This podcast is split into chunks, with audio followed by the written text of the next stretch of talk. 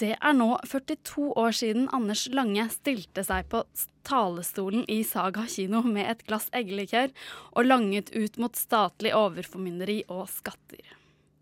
Han ble møtt med latter fra de andre partiene, og få hadde nok sett for seg at dette skulle bli et av Norges største partier. Så hva er årsaken til FrPs suksess? Vi har fått besøk av Anders Ravik Djupskås, eh, universitetslektor i statsvitenskap ved Universitetet i Oslo. Hei. Takk, takk. Du har akkurat levert inn din doktorgradsavhandling der du forklarer FrPs suksess. Gratulerer. Takk, takk. Vi skal starte med å høre et lite klipp fra et intervju med mannen som altså stiftet dette partiet. Anders Lange ble intervjuet av Torbjørn Eide i 1973. Over hele verden eh, blåser det en vind og den vinden er til fordel for det enkle, lille mennesket som ikke orker å gi mer fra seg til den eneveldige statsmakt. Og den eneveldige statsmakt er opptrådt på nytt igjen i en helt ny forkledning, nemlig statskapitalismens forkledning, hvor staten er den største arbeidsgiver og den største bankmakt. Og menneskene sier 'hvor mye skal jeg beholde'? Og da er det en filosof i Amerika som heter Ayn Rand. Og hun sier det som jeg har sagt lenge før henne, at man må spørre seg selv hva, hvem er man født for? Er man født for sin egen skyld, eller er man født for partistatens skyld? Ja, dette var altså et klipp fra 1973, året da Anders Langes parti for sterk nedsettelse av skatter, avgifter og offentlige inngrep ble stiftet. Aller først, Djupskås, hvem var uh, denne Anders Lange? Altså, Anders Lange var jo en eh, et slags eh, Ja, et godt spørsmål. Han var jo en agitator, men han var også en, en eh, en litt uh, Han var en veldig fargerik personlighet, så han hadde sin bakgrunn fra fedrelandslaget i mellomkrigstiden, som var en slags uh, Altså det var ikke et politisk parti, men det var en stor uh, nesten, ja, det var en folkebevegelse. Det var flere hundre tusen, eller i hvert fall hundre tusen medlemmer. Um, og det var en gruppering som var veldig opptatt av borgerlig samling, hvor man mente at de borgerlige kreftene, da, eh, ikke-sosialistiske kreftene, måtte stå sammen i kampen mot et ganske radikalt Arbeiderpartiet. Og også helt tilbake da på 1930-tallet så var han da sekretær i dette fedrelandslaget, og han tok i bruk ganske kraftige virkemidler. Så det er særlig én historie hvor han eh, han holdt særlig til på på Sørlandet, hvor det var eh, en del av byene der hvor det var ganske kraftige eh, motsetninger mellom da Arbeiderpartiet og, og borgerlige krefter. og da kjørte han rundt med en bil da, hvor han hadde eh, si, tatt med rød maling og dyppet en kamerat i rød maling, som skulle vise da Arbeiderpartiets bloddryppende angrep da, på det borgerlige samfunn. Eh, så, Statskapitalisme kaller han det her i dette klippet? Ja, han var jo veldig veldig eh, kritisk til og det kom jo da, Dette er jo da 1973, så det er jo ganske mange tiår senere. Og da var det jo særlig den fremvoksende velferdsstaten som Anders Lange reagerte på, og ikke minst det faktum at eh, man hadde fått et uh, borgerlig skifte i Norge uh, i 1965 etter stortingsvalget. Og man hadde hatt borgerlige regjeringer i, seks år, helt frem til 1971, hvor til slutt det borgerlige samarbeidet sprakk. I, i forkant av en, uh, folkeavstemningen om, da, det, da det, om EF da, den gangen. Og selv om man hadde hatt en borgerlig regjering i seks år, så hadde da de offentlige budsjetter vokst og vokst og vokst, og antall offentlige ansatte vokste og vokste og vokste, og Lange sa liksom nå er det det var, liksom, det var et uttrykk for det tapte eller eh, håpet om et systemskifte hadde, hadde, hadde, da forsvunnet, og Anders Lange eh, trådte inn på scenen og sa liksom nå er det nok, da. I tillegg til at han selvfølgelig var inspirert av en tilsvarende eh, oppblomstring av et skatteprotest i Danmark med Mogens Glistrup i, i, første rekke, som da er forløperen for det som er Dansk Folkeparti, og som holder på å gjøre et kjempegodt valg i, i Danmark i disse dager. Ja, altså fordi bare ett år etter at uh, ALP ble stiftet, fikk partiet 5,1 i en meningsmåling. Altså Det er jo ganske betydelig. Hvordan klarte han å gå fra å være da en litt sånn rar fyr som protesterte mot det politisk korrekte, til å bli da et etablert parti? Politisk parti etter hvert? Ja, først, først, er det kanskje morsomt å alltid understreke det. Jeg, jeg er jo enig med deg at jeg syns også 5% er imponerende, men det er ganske fascinerende når man reiser rundt i en del andre land og hører om populistbevegelser i Latin-Amerika sånn, så sier de 5% Det er jo absolutt ingenting. Vi snakker om 40-50% i de landene. ikke sant? Altså store, store omveltninger. Og eh, dette danske partiet det fikk jo faktisk 16,7% og ble det nest største partiet i folketingsvalget i 1973. Så sånn sett så skal man liksom ikke overdrive Anders Langes betydning, men ok, greit. Det var en men det er jo det siste nye partiet i den, i den norske ja, politiske flora, så nå. Det skjer jo ikke så veldig ofte, jo da. Jo. Nå har vi fått de grønne. Men uh, men, men, eh, men, ja, det, har blitt et veldig svært parti, og den gangen fikk de 5 Nesten eh, kom fra ingensteds hen. Det var jo ikke noe gruppering som sto bak, det var jo Anders Lange. Og noe av grunnen til at det lot seg gjøre den gangen, var jo at 1973 og, eller starten av 70-tallet også markerte eh, fremveksten av fjernsynsvalgkamp. Altså Plutselig så var det mulig å appellere direkte til velgerne gjennom fjernsynet. Før i gamle dager måtte man ha store medlemsorganisasjoner og kanskje andre organisasjoner. Arbeiderpartiet har jo alltid hatt eh, arbeiderbevegelsen som også en, en mobiliseringskanal, kan man si. Eh, mens da Anders Lange fikk TV-en, og han ble en politisk kjendis over natta. Han var jo helt uh, crazy, for å bruke et nynorsk ord, på TV, hvor han da hadde med seg et sverd inn i, som han hadde fått av en norsk kunstner inn i, inn i inn i studio. Han satt og drakk eggelikør, han, han røykte pipe. På siste partilederdebatt før valget 1973 så Eh, tok han ikke ordet før det hadde gått over en time, og da bare snakket han og snakket han, og snakket han, så ble han avbrutt av, eh, av programlederen som sa at dette er jo en diskusjon, det er jo, dette er jo ikke en tale. Så sa han mm. nei, hei, jeg trodde det var min tale, jeg trodde tiden var kommet for meg nå, liksom. Så han, han var en veldig uortodoks uh, type, da. Uortodoks, men på en måte allikevel tydeligvis en ganske sånn klar politisk ideologi. Vi kan høre på et uh, klipp til. Hva jeg utløser hos ungdommen, er at ungdommen i meg har fått en talsmann for friheten. Hva mitt parti og jeg står for, det er friheten. Det er at menneskene skal mest mulig ansvar for sine egne gjerninger. Og være minst mulig under pappa, stat og mamma kommunes formynderi. De er lei av å bli sett på som merkelige dyr som alle må eh, gi noen forbud til. Ja, allerede er en veldig sånn klar hva skal man si, frihetsretorikk. Og han nevner jo eh, denne filosofen Ayn Rand, som jo på en måte er på det ytterste ytterste høyre, såkalt eh, ja, objektivistene. Eh, er denne ideologien eh, en del av Frp også i dag?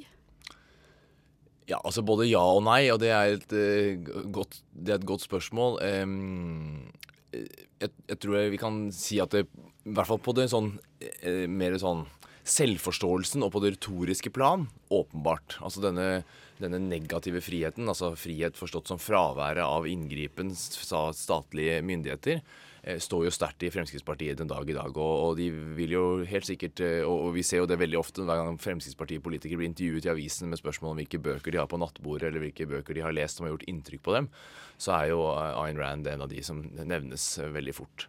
Så det er en interessant Jeg var faktisk ikke klar over, jeg har ikke hørt det intervjuet med, med Lange før. Jeg var ikke klar over at han også refererte til, til henne.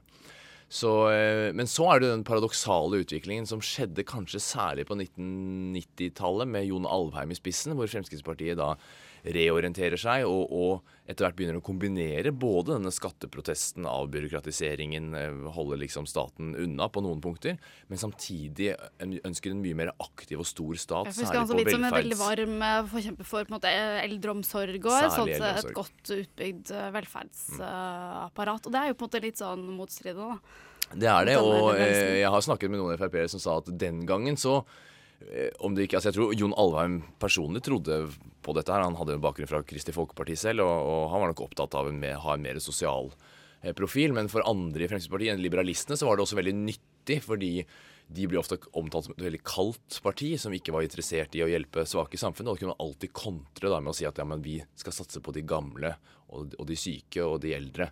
De skal vi rekke ut noe til. Så skal vi ta da fra Eller vi skal redusere overføringene til til personer som vi mener har, kan, eh, bør, bør skylde, seg, skylde, på seg selv da, for, eh, for, det uføret de har havnet opp i. Fordi det også døde Anders Lange, og Carl I. Hagen som vi vet, ble leder for partiet, og partiet skiftet da navn til Fremskrittspartiet. Eh, hvordan skilte Fremskrittspartiet under Carl I. Hagen seg fra Anders Langes parti? Ja, Den aller viktigste forskjellen var jo at uh, Carl I. Hagen hadde jo blitt med i partiet. Han var jo på Saga kino eh, allerede da i 1973. Eh, og eh, hadde bakgrunn fra studentpolitikken i England, hvor han hadde studert. Og han hadde, var hele tiden svært opptatt av organisasjon, organisasjonsbygging. Eh, og det hadde han prøvd å innføre også mens Anders Lange var leder. Og dels fikk han gehør noen ganger. Anders Lange så vel sikkert noe talent i Hagen også, men så skiftet han. altså Anders Lange var en veldig uberegnelig person. Og så kom Hagen inn. Men først er det faktisk et lite mellomparti der, for det er Hagen klarer ikke helt Han, han melder seg jo Og så når Anders Lange dør, så kommer Hagen inn på, på Stortinget. Men det er fortsatt en som heter Arve Lønnum, som er, blir partileder først. da, Og han er totalt ukarismatisk. En professor i, i medisin og veldig omstendelig og gjør en veldig dårlig figur i partilederdebatten 1977, og partiet ryker ut av Stortinget. Og så kommer Carl I. Hagen eh, inn og blir partileder. Og han bygger organisasjon da, sten for sten. Skolering på grasrotnivå. Han skjønner at han kan utnytte mediene. Der har han lik Anders Lange i for seg, men det var en mye mer strategisk bruk. Anders Lange var bare seg selv på TV. Hadde vi hatt Frp i dag hadde hvis det ikke hadde vært noen Carl I. Hagen?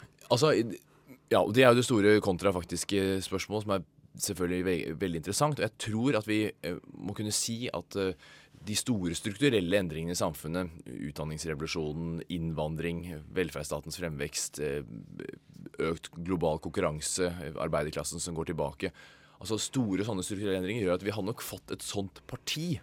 Men det hadde nok ikke, det hadde nok ikke sett slik ut, og det hadde nok ikke kommet så tidlig. Det tok ganske lang tid i en rekke andre europeiske land før man fikk levedyktige partier på ytterste høyre fløy. Men jeg, så personer liksom, hvem, hvem, så personer er på en måte avgjørende for akkurat når det kommer, akkurat hvordan det blir ser ut. Men at vi hadde fått et innvandringskritisk parti i Norge, mm. det er rimelig overbevist om, uavhengig av Hagen. Men hans betydning for Frp er, kan knapt uh, overvurderes.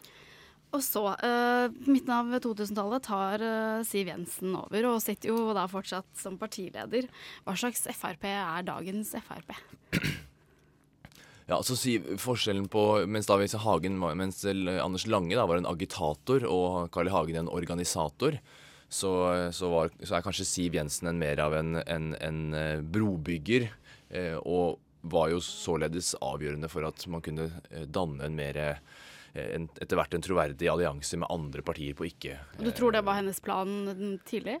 Ja, åpenbart. Altså, hun, hun, ble til og med valgt som nestleder sammen med Terje Søviknes i 1999 eh, med det formål at partiet skulle eh, klargjøre seg for regjering. Og, og, hun har vært en sånn profesjonell politikertype helt fra, det, altså fra, fra, helt fra starten av, hvor hun kom inn i politikken på, ja, på tidlig 90-tallet. Um, og det ikke lang, tok ikke lang tid før, etter at hun ble leder, før Erna Solberg uttalte at det er ikke Siv Jensen som er problemet, det er FrPs politikk. altså en sånn veldig sånn. Mens Kjell Magne Bondevik og, og mer den gamle generasjonen i Høyre syns jo Carl I. Hagen som person også var eh, ja, Om ikke ufordragelig, så var han i hvert fall uberegnelig. Og det, det kunne de ikke uh, forholde seg til. Men Siv Jensen hadde jo vært leder av finanskomiteen på Stortinget mellom 2001 og 2005 og bygget opp et, et rykte for å være en troverdig politiker.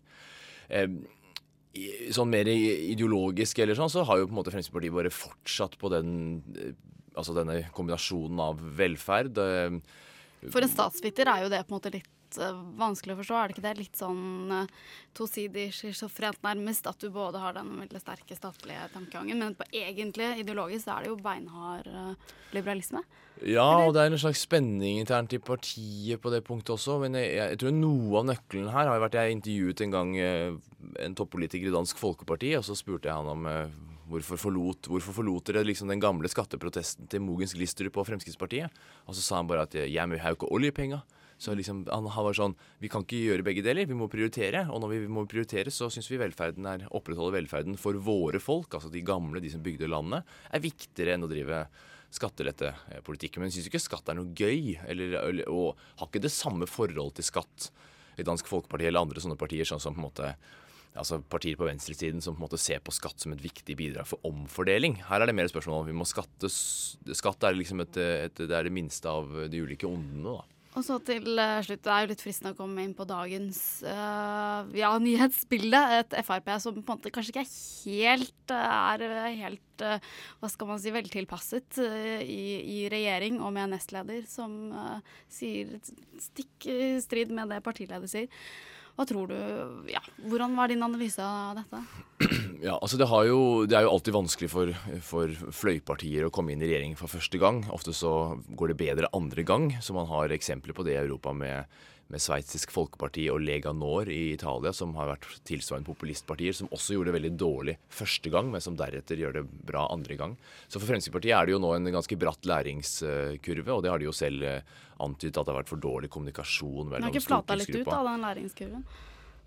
ja, det kan du si. Og så har jo partiet da sant, tapt på meningsmålinger. De, de, har redusert medlemsmassen sin ganske mye. De stiller nå lister i færre kommuner enn før. Og, og, og gjennomslaget deres i regjering, vel, altså det er ikke ubetydelig, men det er heller ikke veldig Det er ikke noen klar dreining i en annen retning. Det er liksom små liksom Man ser at politikk er, er de små skritts uh, endring, og det, og det er jo vært krevende for et parti som har lovt velgerne sine at ganske mye skulle skje hvis man først uh, fikk makt. Og Frp blir i regjering til uh, 2017?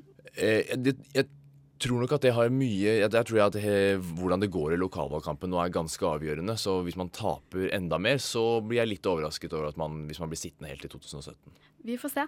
Tusen takk for at du kom, Anders Ravik Djupskås. Du er altså universitetslektor i statsvitenskap ved Universitetet i Oslo.